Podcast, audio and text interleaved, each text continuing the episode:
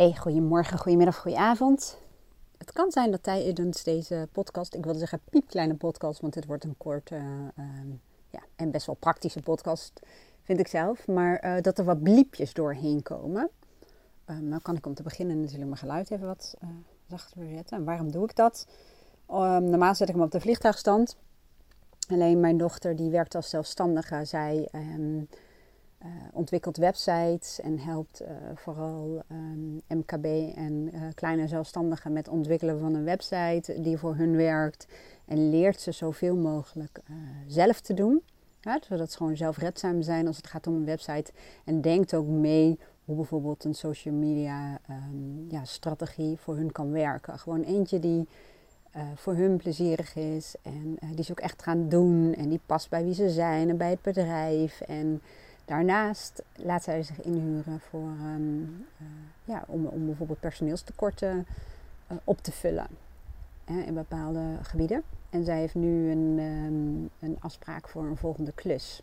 Het kan zijn dat ze tussendoor eventjes wat laat weten. Dus of eventjes belt, dan uh, wil ik op kunnen nemen. Dus vandaar. Maar goed, de piep kleine podcast. In mijn praktijk merk ik heel vaak dat mensen in mijn ogen best wel streng zijn voor zichzelf. Of um, het soms zichzelf onbewust uh, moeilijk maken. En waardoor gewoon door uitspraken die ze doen. Bijvoorbeeld door, door te zeggen. Oh ja, dat moet ik dan echt nog wel uh, anders gaan doen. Of um, ja, dat doe ik dan nog te weinig. Of daar moet ik dan nog wel aan werken. Of ik denk dat dat de komende tijd nog wel heel lastig gaat worden om.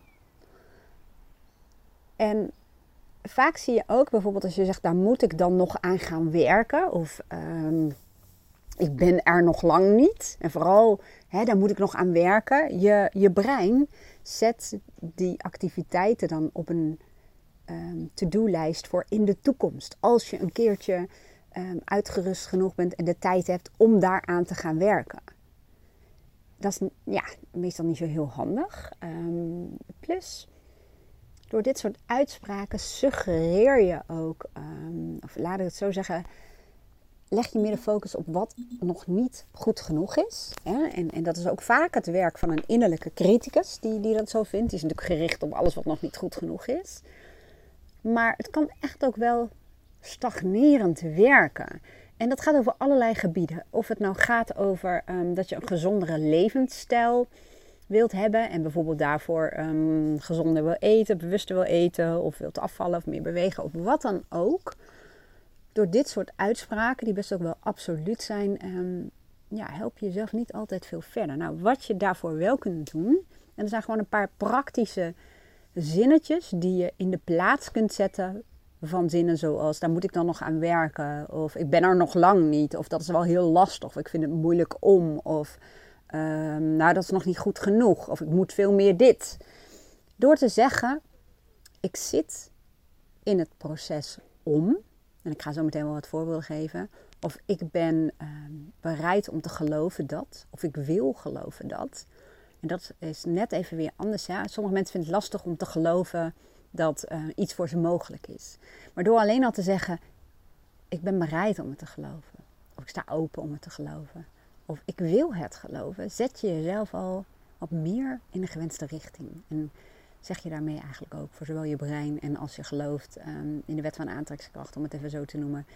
Hè, heel vaak wordt het universum als containerbegrip gebruikt, maar door dat te zeggen, ik ben bereid om uh, te geloven, of ik zit in een proces om, ik wil geloven, ik sta open om te ontvangen. Um, dan merk je dat je veel meer in proces gaat denken. Want heel vaak maken we het heel groot en denken we in uh, nou ja, een soort van groot project. Wat, dat je meteen van, van A naar Z moet gaan, bij wijze van spreken. Maar door meer in processen te denken, zul je ook merken. Um, in een proces is het namelijk volkomen natuurlijk dat je een keertje um, even niet verder komt. Of dat je even. Uh, heel veel mensen zeggen dat ik terugval. Maar ik, ik zeg altijd: nee, je kunt helemaal niet terugvallen. Breintechnisch kan dat helemaal niet. Maar ook dat soort zinnetjes passen aan. Want vaak is het helemaal niet een kwestie van terugvallen. Maar vaak is het meer een kwestie van dat je een bekende valkuil tegenkomt. Hè? Of dat, je, dat het je gewoon even niet uh, gelukt is door bijvoorbeeld de waan van de dag. Maar het is niet dat je teruggevallen bent. Je bent in een valkuil gestuiterd, om het zo te zeggen. Dan kom je echt wel weer uit. En vaak ook sneller dan dat je altijd eerder deed, om het zo te zeggen. Dus processen houden gewoon ook in dat er wat schommelingen in zitten. Dat er momenten zullen zijn dat dingen heel snel gaan. Uh, dat er momenten zullen zijn dat je het even niet meer weet. Dat er momenten zullen zijn dat je heel veel hoop en vertrouwen voelt. Maar door te zeggen als ik zit in het proces om mijn lichaam steeds beter te leren kennen, om steeds beter op mezelf te letten en um, ja, te voelen wanneer ik bijvoorbeeld echt honger heb en wanneer ik bijvoorbeeld iets wil nemen om een heel andere redenen, reden. Door, ik, leer mijn lichaam steeds beter kennen. En de ene keer dan uh, luister ik er nog niet voldoende naar, en de andere keer luister ik al veel beter dan eerder. Door dat soort dingen ook te zeggen. Ik, ik ben me al bewuster dan dat ik ooit was. En ik zit in een proces om. Hè, ik zit in een proces om manieren te vinden om, um, uh, ja, om, steeds makkelijker bijvoorbeeld geld te verdienen. Of om um, meer te luisteren naar mijn eigen behoeften. En om daar ook naar te handelen. Dus door jezelf aan te geven, tegen jezelf te zeggen: Ik zit in het proces om.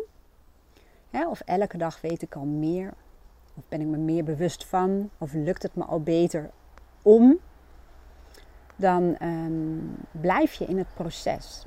En dan blijf je heel constructief, um, ja, stapje voor stapje bouwen aan iets wat belangrijk voor je is. En nogmaals, dat kan van alles zijn. Het kan praktisch zijn zoals de groei van je winst. Dat kan het opzetten van je eigen bedrijf zijn. Dat kan uh, zijn dat je um, veel minder wil pleasen in relaties. Dat je meer je gezonde egoïst wil gebruiken. Hè? En uh, je innerlijke kanten, daar verwijst het naar. Um, ja, dat kan zijn dat je um, ja, wat relaxter wil zijn en minder perfectionistisch. En, dan is het vaak voor je wel helpend als je minder perfectionistisch bent. Wat doe je dan wel? Hè? Dat uh, het steeds makkelijker voor je wordt om te zien waar ja, waar je wat. Um, hoe moet ik dat nou zeggen? Want het is lastig. Hè? Dit is ook het denkwerk. Van ik zit even te denken hoe ik dat zelf deed. Eerder had ik een perfectionist die best wel voor in de bus zat. En ik heb op een gegeven moment geleerd om um, wat meer te gaan voor goed in plaats van perfect. En daardoor kwam er veel meer voor elkaar. Ging ik veel meer doen. Um, ik gaf mezelf meer de ruimte om ja, meer te genieten. Om ook als het gaat om perfectionisme, heb ik heel erg geleerd van het idee van een proces. Dat ook niet alles meteen perfect hoeft, maar dat je ook een paar dingen kunt doen. In plaats van vroeger zei ik tegen mezelf dat ik de hele tijd meteen perfect moest doen. En uh, toen zat ik in het proces om te starten. En om bijvoorbeeld een gekaderd gebiedje alvast te doen. En om voor mezelf te kijken hoe zou ik het normaal doen vanuit mijn innerlijke perfectionist. En hoe zou ik het doen uh, vanuit een kant die, um, die wat beter is om voor goed genoeg te gaan. En wat meer gericht is op iets afkrijgen. Um, ja, op basis van bijvoorbeeld een 7 in plaats van een gedeelte maar afkrijgen of helemaal niet starten omdat je het een 9 of een 10 wil maken. Dus dat heb ik toen ook gedaan om uh, ervoor te zorgen dat die perfectionist weer terug zou keren naar zijn kwaliteit. Hè? En dat is dat je um, dingen goed wil doen, nauwkeurig. En dat je weet wanneer um, je ergens voor mag gaan om het zo goed mogelijk af te werken. Daar is een innerlijke perfectionist, als hij niet doorslaat, heel goed voor. Dus ook in nauwkeurigheid en dingen gewoon goed doen. Maar ook weet wanneer um, die marge of, of, het verschil tussen een, een 7 en een 10 of een 8 en een 10 geen impact heeft. Dus toen zat ik ook in het proces. Maar dat wil niet zeggen dat ik niet regelmatig die innerlijke perfectionist voelde. En dat hij mijn stuur over wilde nemen. En dat ik uh, frustratie voelde. Nee, maar dat hoort bij het proces.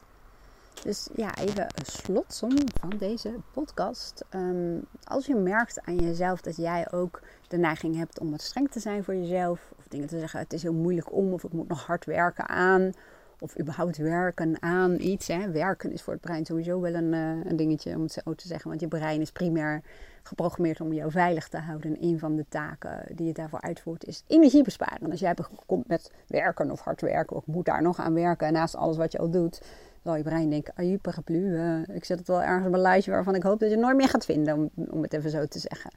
Um, maar ook als je zegt, dat is me nog niet gelukt, of dat doe ik nog niet goed genoeg, of dat doe ik nog te weinig Zet eens een andere bril op. En zeg ik, doe het dan meer dan dat ik eerder deed. Het lukt me al vaker om. Hè? Of de, ehm, de duur van een, perfectionistische bui um, is veel korter dan dat het eerder was. Ik ben me veel bewuster van en ik kan, ben steeds beter in staat om. Kortom, ik zit in het proces om. En soms kun je het woordje ook toevoegen. Ik zit in het proces om steeds meer te, beter te leren hoe ik kan luisteren naar mijn eigen behoeften. En hoe ik ehm, daar steeds meer naar kan handelen op een manier die voor mij goed voelt. En dat soort dingen. Ik hoop dat je wat aan had. En als dat zo is, dan um, komt er nu bij mij een eigen innerlijke dialoog die ik met je ga delen. Een klant van mij die gaf namelijk echt een geweldig idee, een geweldige tip. Dus via backme.org um, kun je een pagina instellen en dan kunnen mensen die dus mijn podcast luisteren doneren. Maar let op, ik ga nu mijn innerlijke dialoog met jou delen. Want dan zie je ook, als we het hebben over voice dialogue, al die verschillende uh, persoonlijkheidskanten.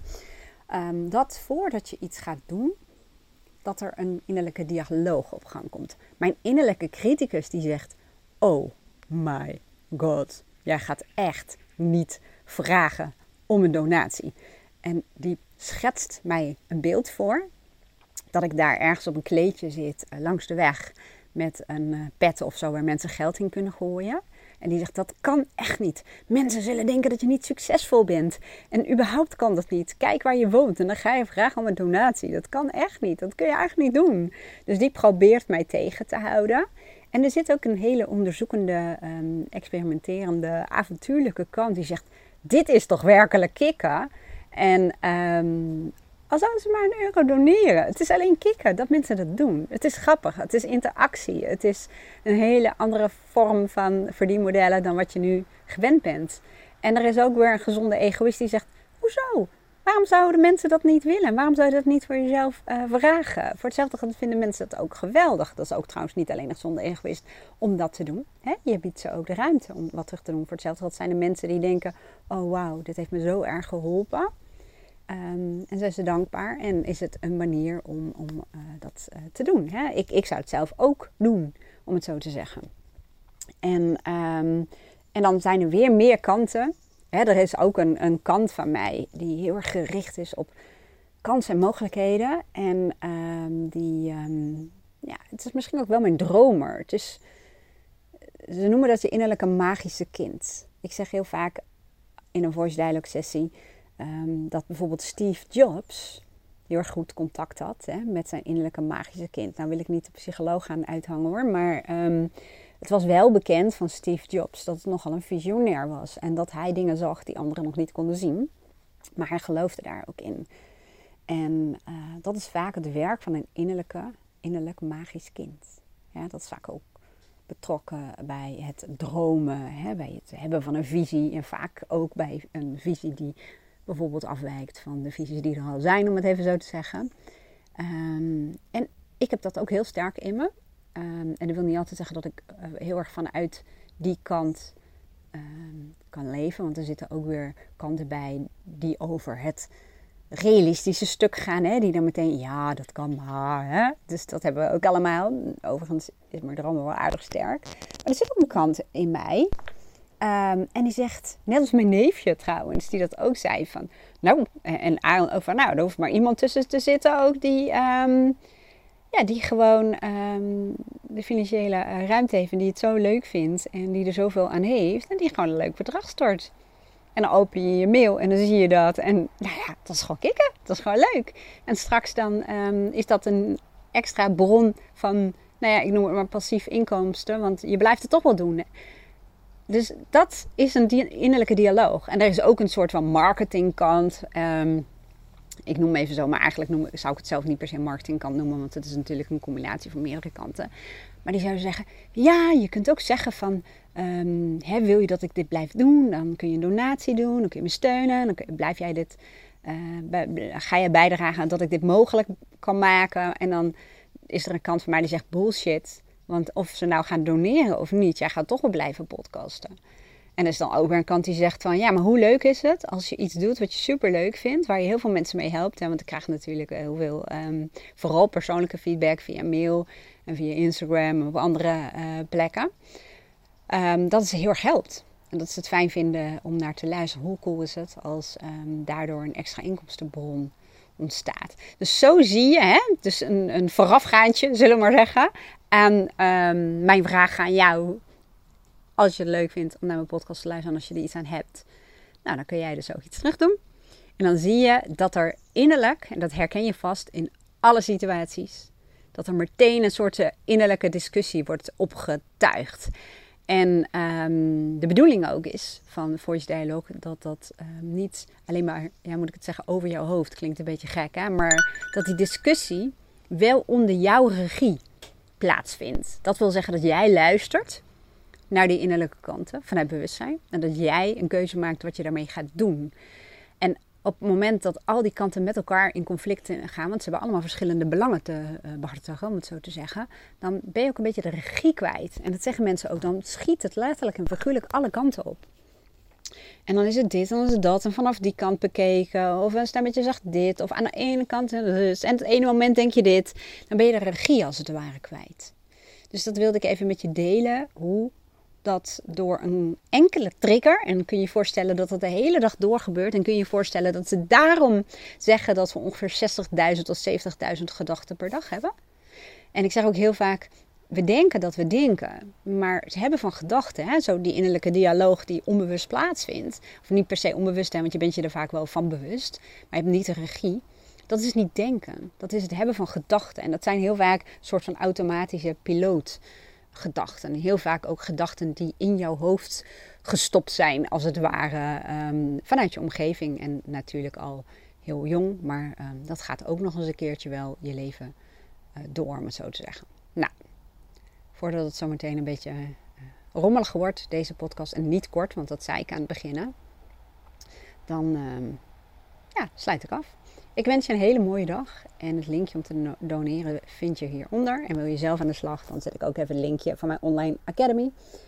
En heel graag tot de volgende podcast.